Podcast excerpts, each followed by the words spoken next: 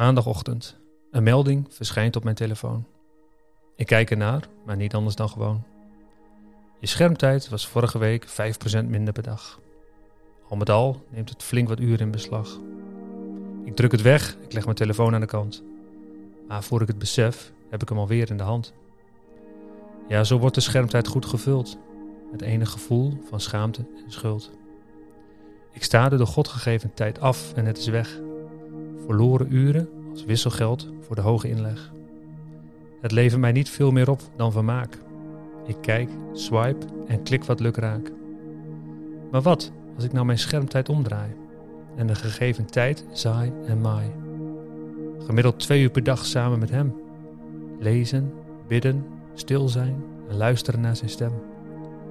En als God mij dan een dergelijk bericht zou geven, wat zou dat betekenen voor mijn geestelijk leven?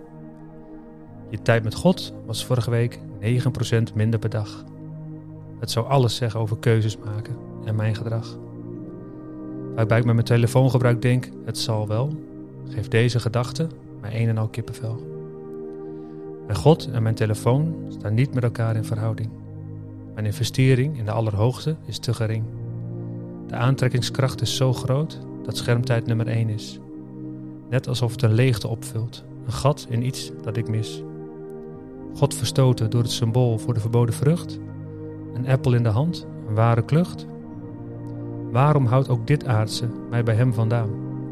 Waarom kan ik de verleiding zo slecht weerstaan? Kan het zo zijn dat jij mijn verhaal herkent? Dat jouw telefoon ook tijd met God schendt?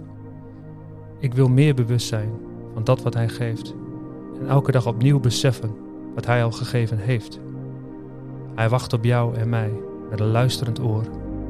Ik wil in verbinding zijn in plaats van geen gehoor. Vader, ik wil meer in u investeren. Zoon van God, ik wil uw wijze lessen leren. Heilige Geest, dat ik uw vrucht mag dragen.